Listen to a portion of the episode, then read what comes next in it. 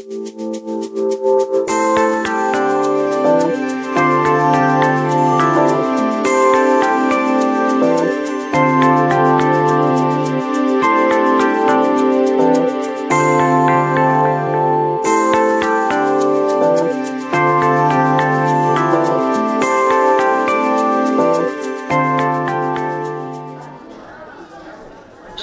грудня до кули завітав святий Миколай. Дитячій радості не було кінця. А щоб подякувати йому за те, що прийшов, діти підготували для Миколая та й батьків, бабусь і дідусів цікаву програму, де танцювали, співали і читали вірші. Моя ділянка і малята, хлопці і дівчата, шановні батьки і гості, благословення вам з неба несу. Слава Ісусу Христу!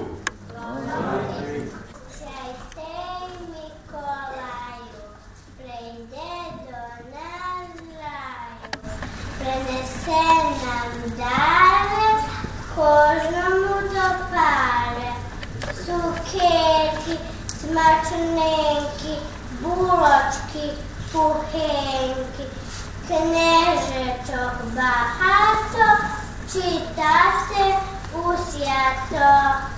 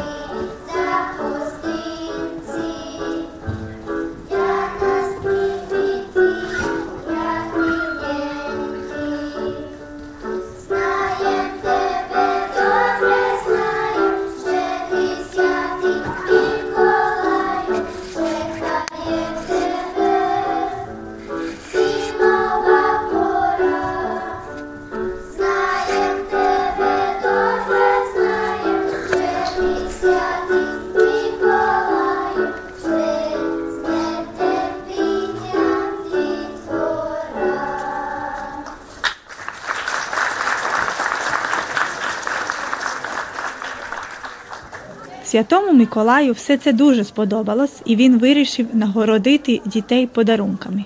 Дали се радуєш Svetom Nikoli? Jako se radujem. A reci mi, jel si poslala pismo Svetom Nikoli? Jesam.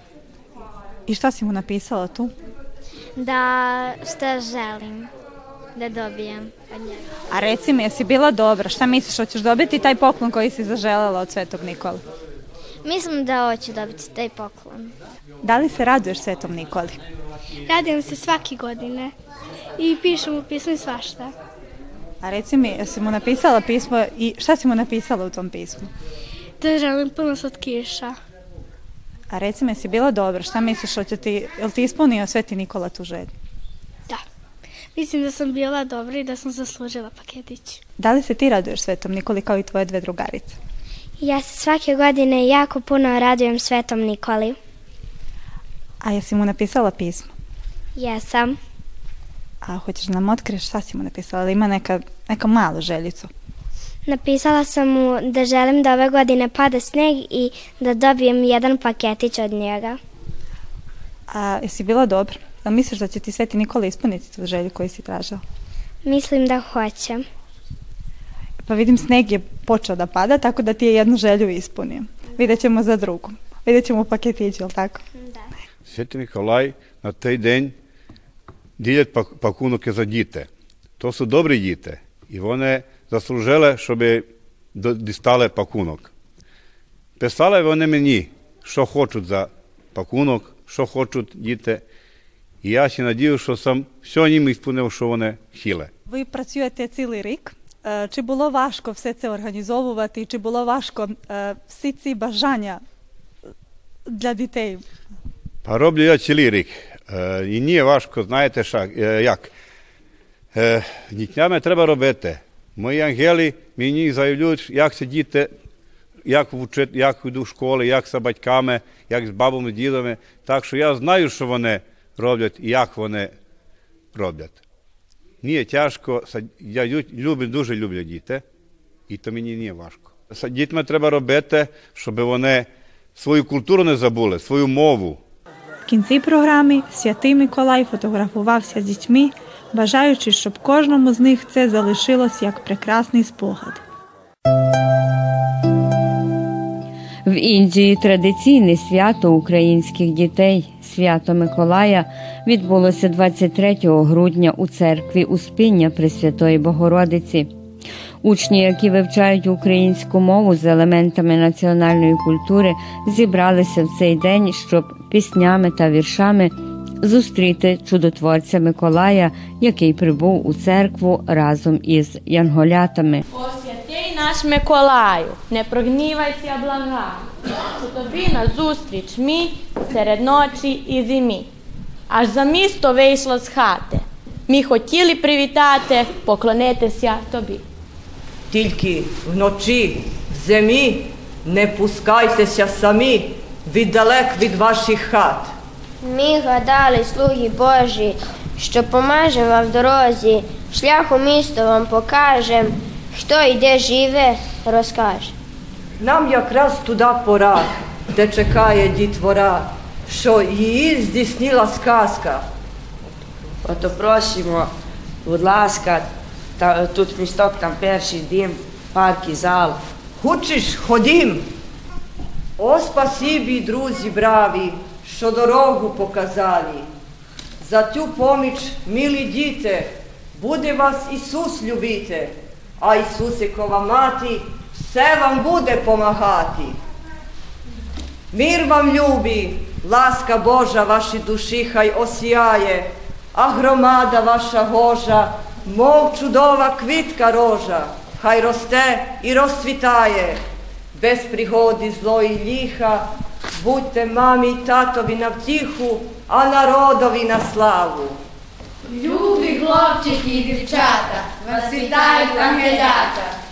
Ви ж для них найліпші свідки, що ті діти, що в салі, ті спереду і там далі, більші, менші і маленькі, цілий рік були чемненькі. Так, так, бо не були чемненькі, та слухали і. Добре. А скажіть, небесні дітки, ви ж для них найліпші свідки, чи молитву рідну знають, Бога нею прославляють. Кажи, ходи сюди, дитинко, на коротку, на хвилинку. Розкажи нам, що ви, діти, тут навчилися робити. Я скажу все, що знаю, при святому Миколаю. Хоч мали ми дітінчата, поважаємо маму й тата. Ми шануємо рідне слово, прадідівську рідну мову, рідні книжечки читаємо, рідні пісеньки співаємо. І молитвою, що мати нас навчила в рідній хаті. Ми завертаємось до Бога про опіку й допомогу. О, будь ласка, я дідусь старенький хотів би трохи послухати якісь пісеньки, ви кажете, знаєте заспівати. Знаю. Прошу, заспівайте нам. Люба матуся і любий татусь, для вас моя пісня лунає, до вас у молитві щораз пригорнусь, і щиро вам ноги вклоняюсь. За мене ви Бога молили, мене від біді берегли, учили прощати, любити, мої найрідніші батьки. Я дякую Богу за маму, щоб стільки ночей не доспала, за доброго й вірного тата, що міг мені все пробачати, шануймо батьків наших рідних, щоб потім не шкодувати, допоки батько і мати. Старайтесь їм шану вітати, допоки батько і мати, старайтесь їм шану вітати. Жийте в злагоді і мирі. Маму й тату помагайте, менших від себе не чіпайте. Вчителям поміч будьте і мене ви не забудьте. Е, обіцяємо добрими бути, слів твоїх не призабути, завжди вчитися охоче, бо того Ісус і хоче, і такими виростати, як бажають тато, мати і увесь наш рідний край.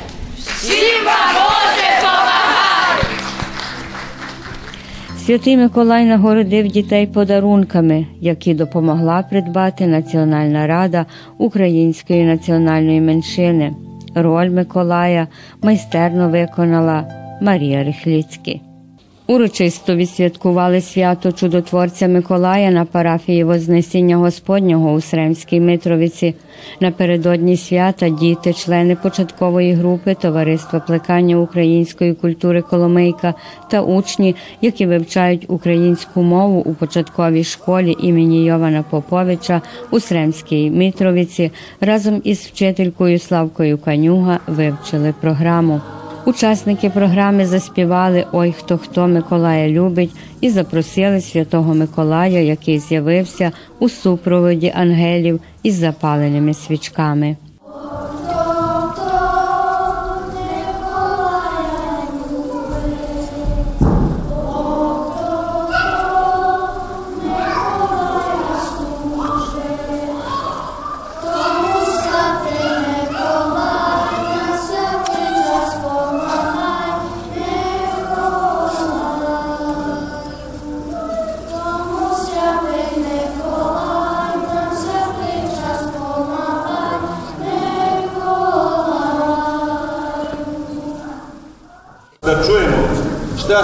meni fino htjeli da pripremite za ovaj doček svog dragog Nikolaja. Святе Отче Миколай, мою хату не мінай, подаруй мені потіху і торбіну повну сміху і здоров'я для родини. Ой, пустіть нас на санки, ми у парк на річку підем, ми подивимось у гай, чи туди до нас не їде з неба гості Миколай. Святний Миколаю, прийде до нас раю, принесе нам дарі кожному до парі. Шукерки, смачненькі, полоски, пухненькі, тлизничок, бакто читати у свято. Лист до неба. Є пошлемо листочок до раю. Не забудь нас, святий Миколаю. Не забудь про нас, яхолятка, вас прогають і хлопці, і дівчатка. Завжди ми були чемні і милі, до садочок охоче ходили. Шанували матусю і тата та любили сестричку і брата. Ми складали долоні маленькі і молились до Божій неньки. Тож гостей ми чекаємо з неба, а Антипка нам зовсім не треба. Є напишемо листочок до раю, ми чекаємо святий Миколай. Ми чекаємо вас, Янголятка, і підпишемо хлопці і дівчатка. До свято Миколаю молитву складаю, просадку даруночки його порохаю. Що у листу написати, зразу не згадаю, треба що таке просити, що на біляш бажаю. Щоб собі таке просити, уже я знаю за здоров'я, мами, тати, добре, добре Миколаю, щиро я благаю. Коли святий Миколай послухав все, що діти вивчили, то вирішив їх нагородити за те. Взяв свою книжку і з неї читав імена дітей, які заслужили отримати подарунок. Було понад 110 дітей, а подарунків було для всіх.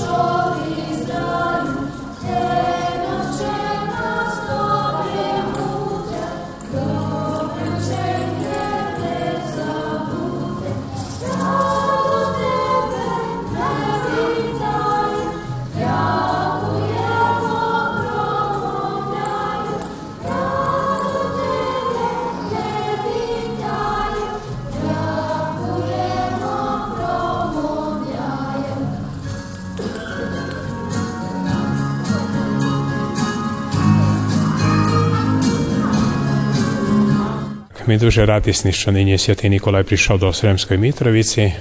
І справді відгукнулися багато дітей і родичів, 105 дітей. На жаль, деякі не могли прийти задля погоди, але велика радість була та, що справді багато наших парохіян справді були Святий Ніколай, бо подарували може 20 пакунків.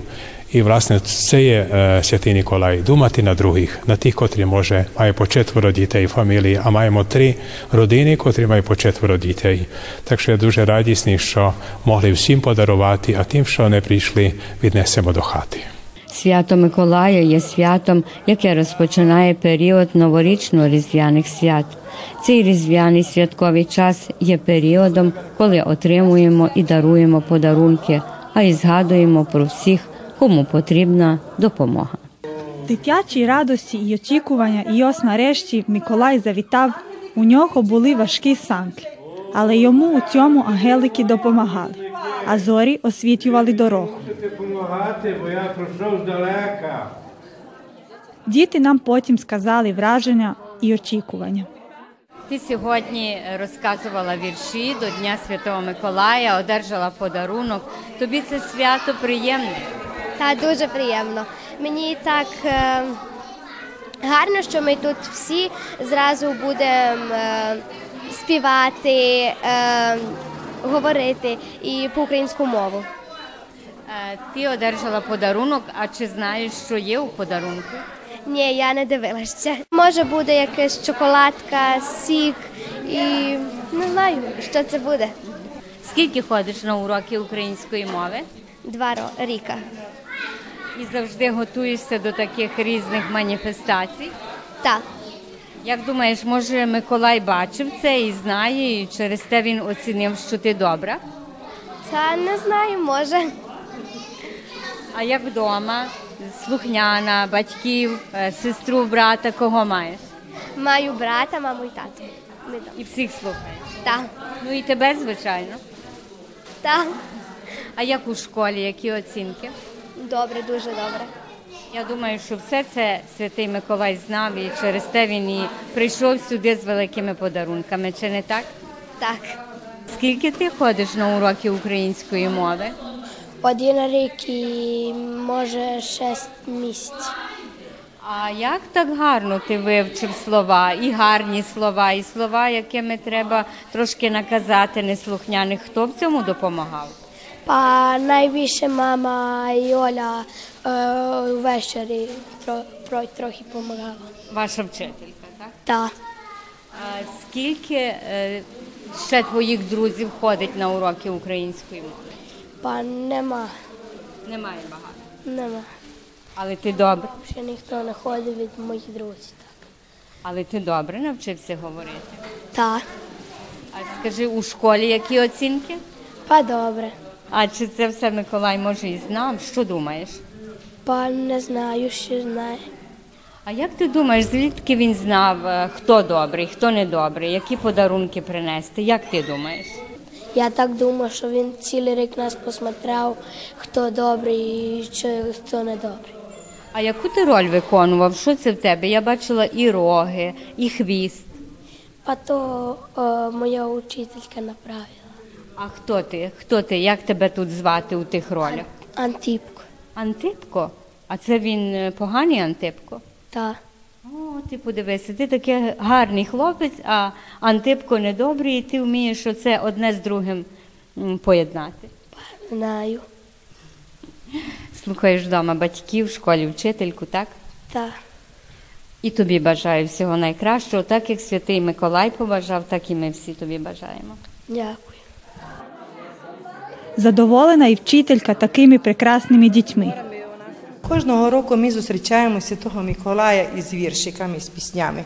А цього року ми хотіли інакше то зробити, сценку малу, щоб зацікавити дітей. Не так просто віршики і пісні, але щоб вони брали участь у, у е, вирушанню Святого Миколая до нас у гості.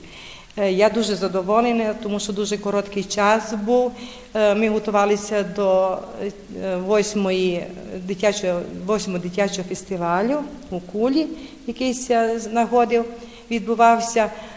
А, і до цього Святого Миколая, наче дуже короткий час був, але я дуже задоволена, що за цей час діти навчилися і дії ці, і е, вони зрозуміли, хто яку дію виконує у цій малій стінці е, до зустрічі цього Святого Миколая.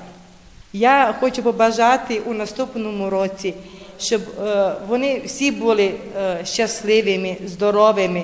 Бажаю, щоб мали багато успіхів і щоб е, і великого благополуччя у цім, у, е, цілому світу і всім людям цього світу. Е, Глядачам бажаю щасливих новорічних і різдвяних свят, щоб вони гарно провели ці свята, а батькам бажаю, щоб і надалі старалися і трудилися, щоб е, їхні діти не забували свою рідну українську мову, щоб е, не забували своїх обичаїв і обрядів. Діти дуже добрі, вони вчуть українську мову, співають файно на українські вірші, говорять, йдуть до церкви, зато Миколай прийшов, щоб їм подарував папун, папунки. І я мислю, що всі діти всі ледве чекають, щоб дістали від Святого Миколая пакунки. А як да кажу, то валда самий Бог мене післав, щоб я ті діти, котрі як да кажу, найліпші, най, найслухняніші, котрі слуха- слухають свої родичі і свою вчительку, і вони достануть пакунки. То Національна рада, вона вже кожен рік традиційно дає, і я мушу прийти і поглядати пакунки. Той звичай е, може вже тисячу років більше, е, відколи наша церква прийняла християнство, также ми мусимо то stalno trmate u tradiciji i ne zabute na každo Nikolaja, Pogilete pa Kunke, bogite to čekaju, to ne znaju, to ne tude veseli, čitaju prši, pisnji i to im duže, jak da kažu, melo i fajno i tome muslim tu tradiciju trmate.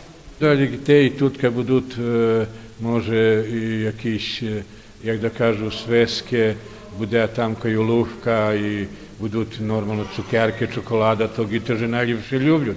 Але всього є потроха, так що вони кожен щось собі здиве, що ду- як да кажу, від того, що найбільше сподобає. Хочу всім нашим е, українцям на серві е, щасливий новий рік, щоб мали е, багато здоров'я, щоб були веселі, піти до церкви і там помолитися за всіх наших українців і в Україні, і тут у Сербії. Що Марину Хостинку зібрати? Я світлом ясним. Я світлом ясним засяю, освітлю стежки Миколаю. Я тобою, сестриці, прийду на підмогу, разом ми освітим далеку дорогу. Так, так, любі друзі, у нас справ багато, бо йде до нас щедре, веселе свято. Світле полаю, я тебе блахаю, принесе всім до решта небесного полаю.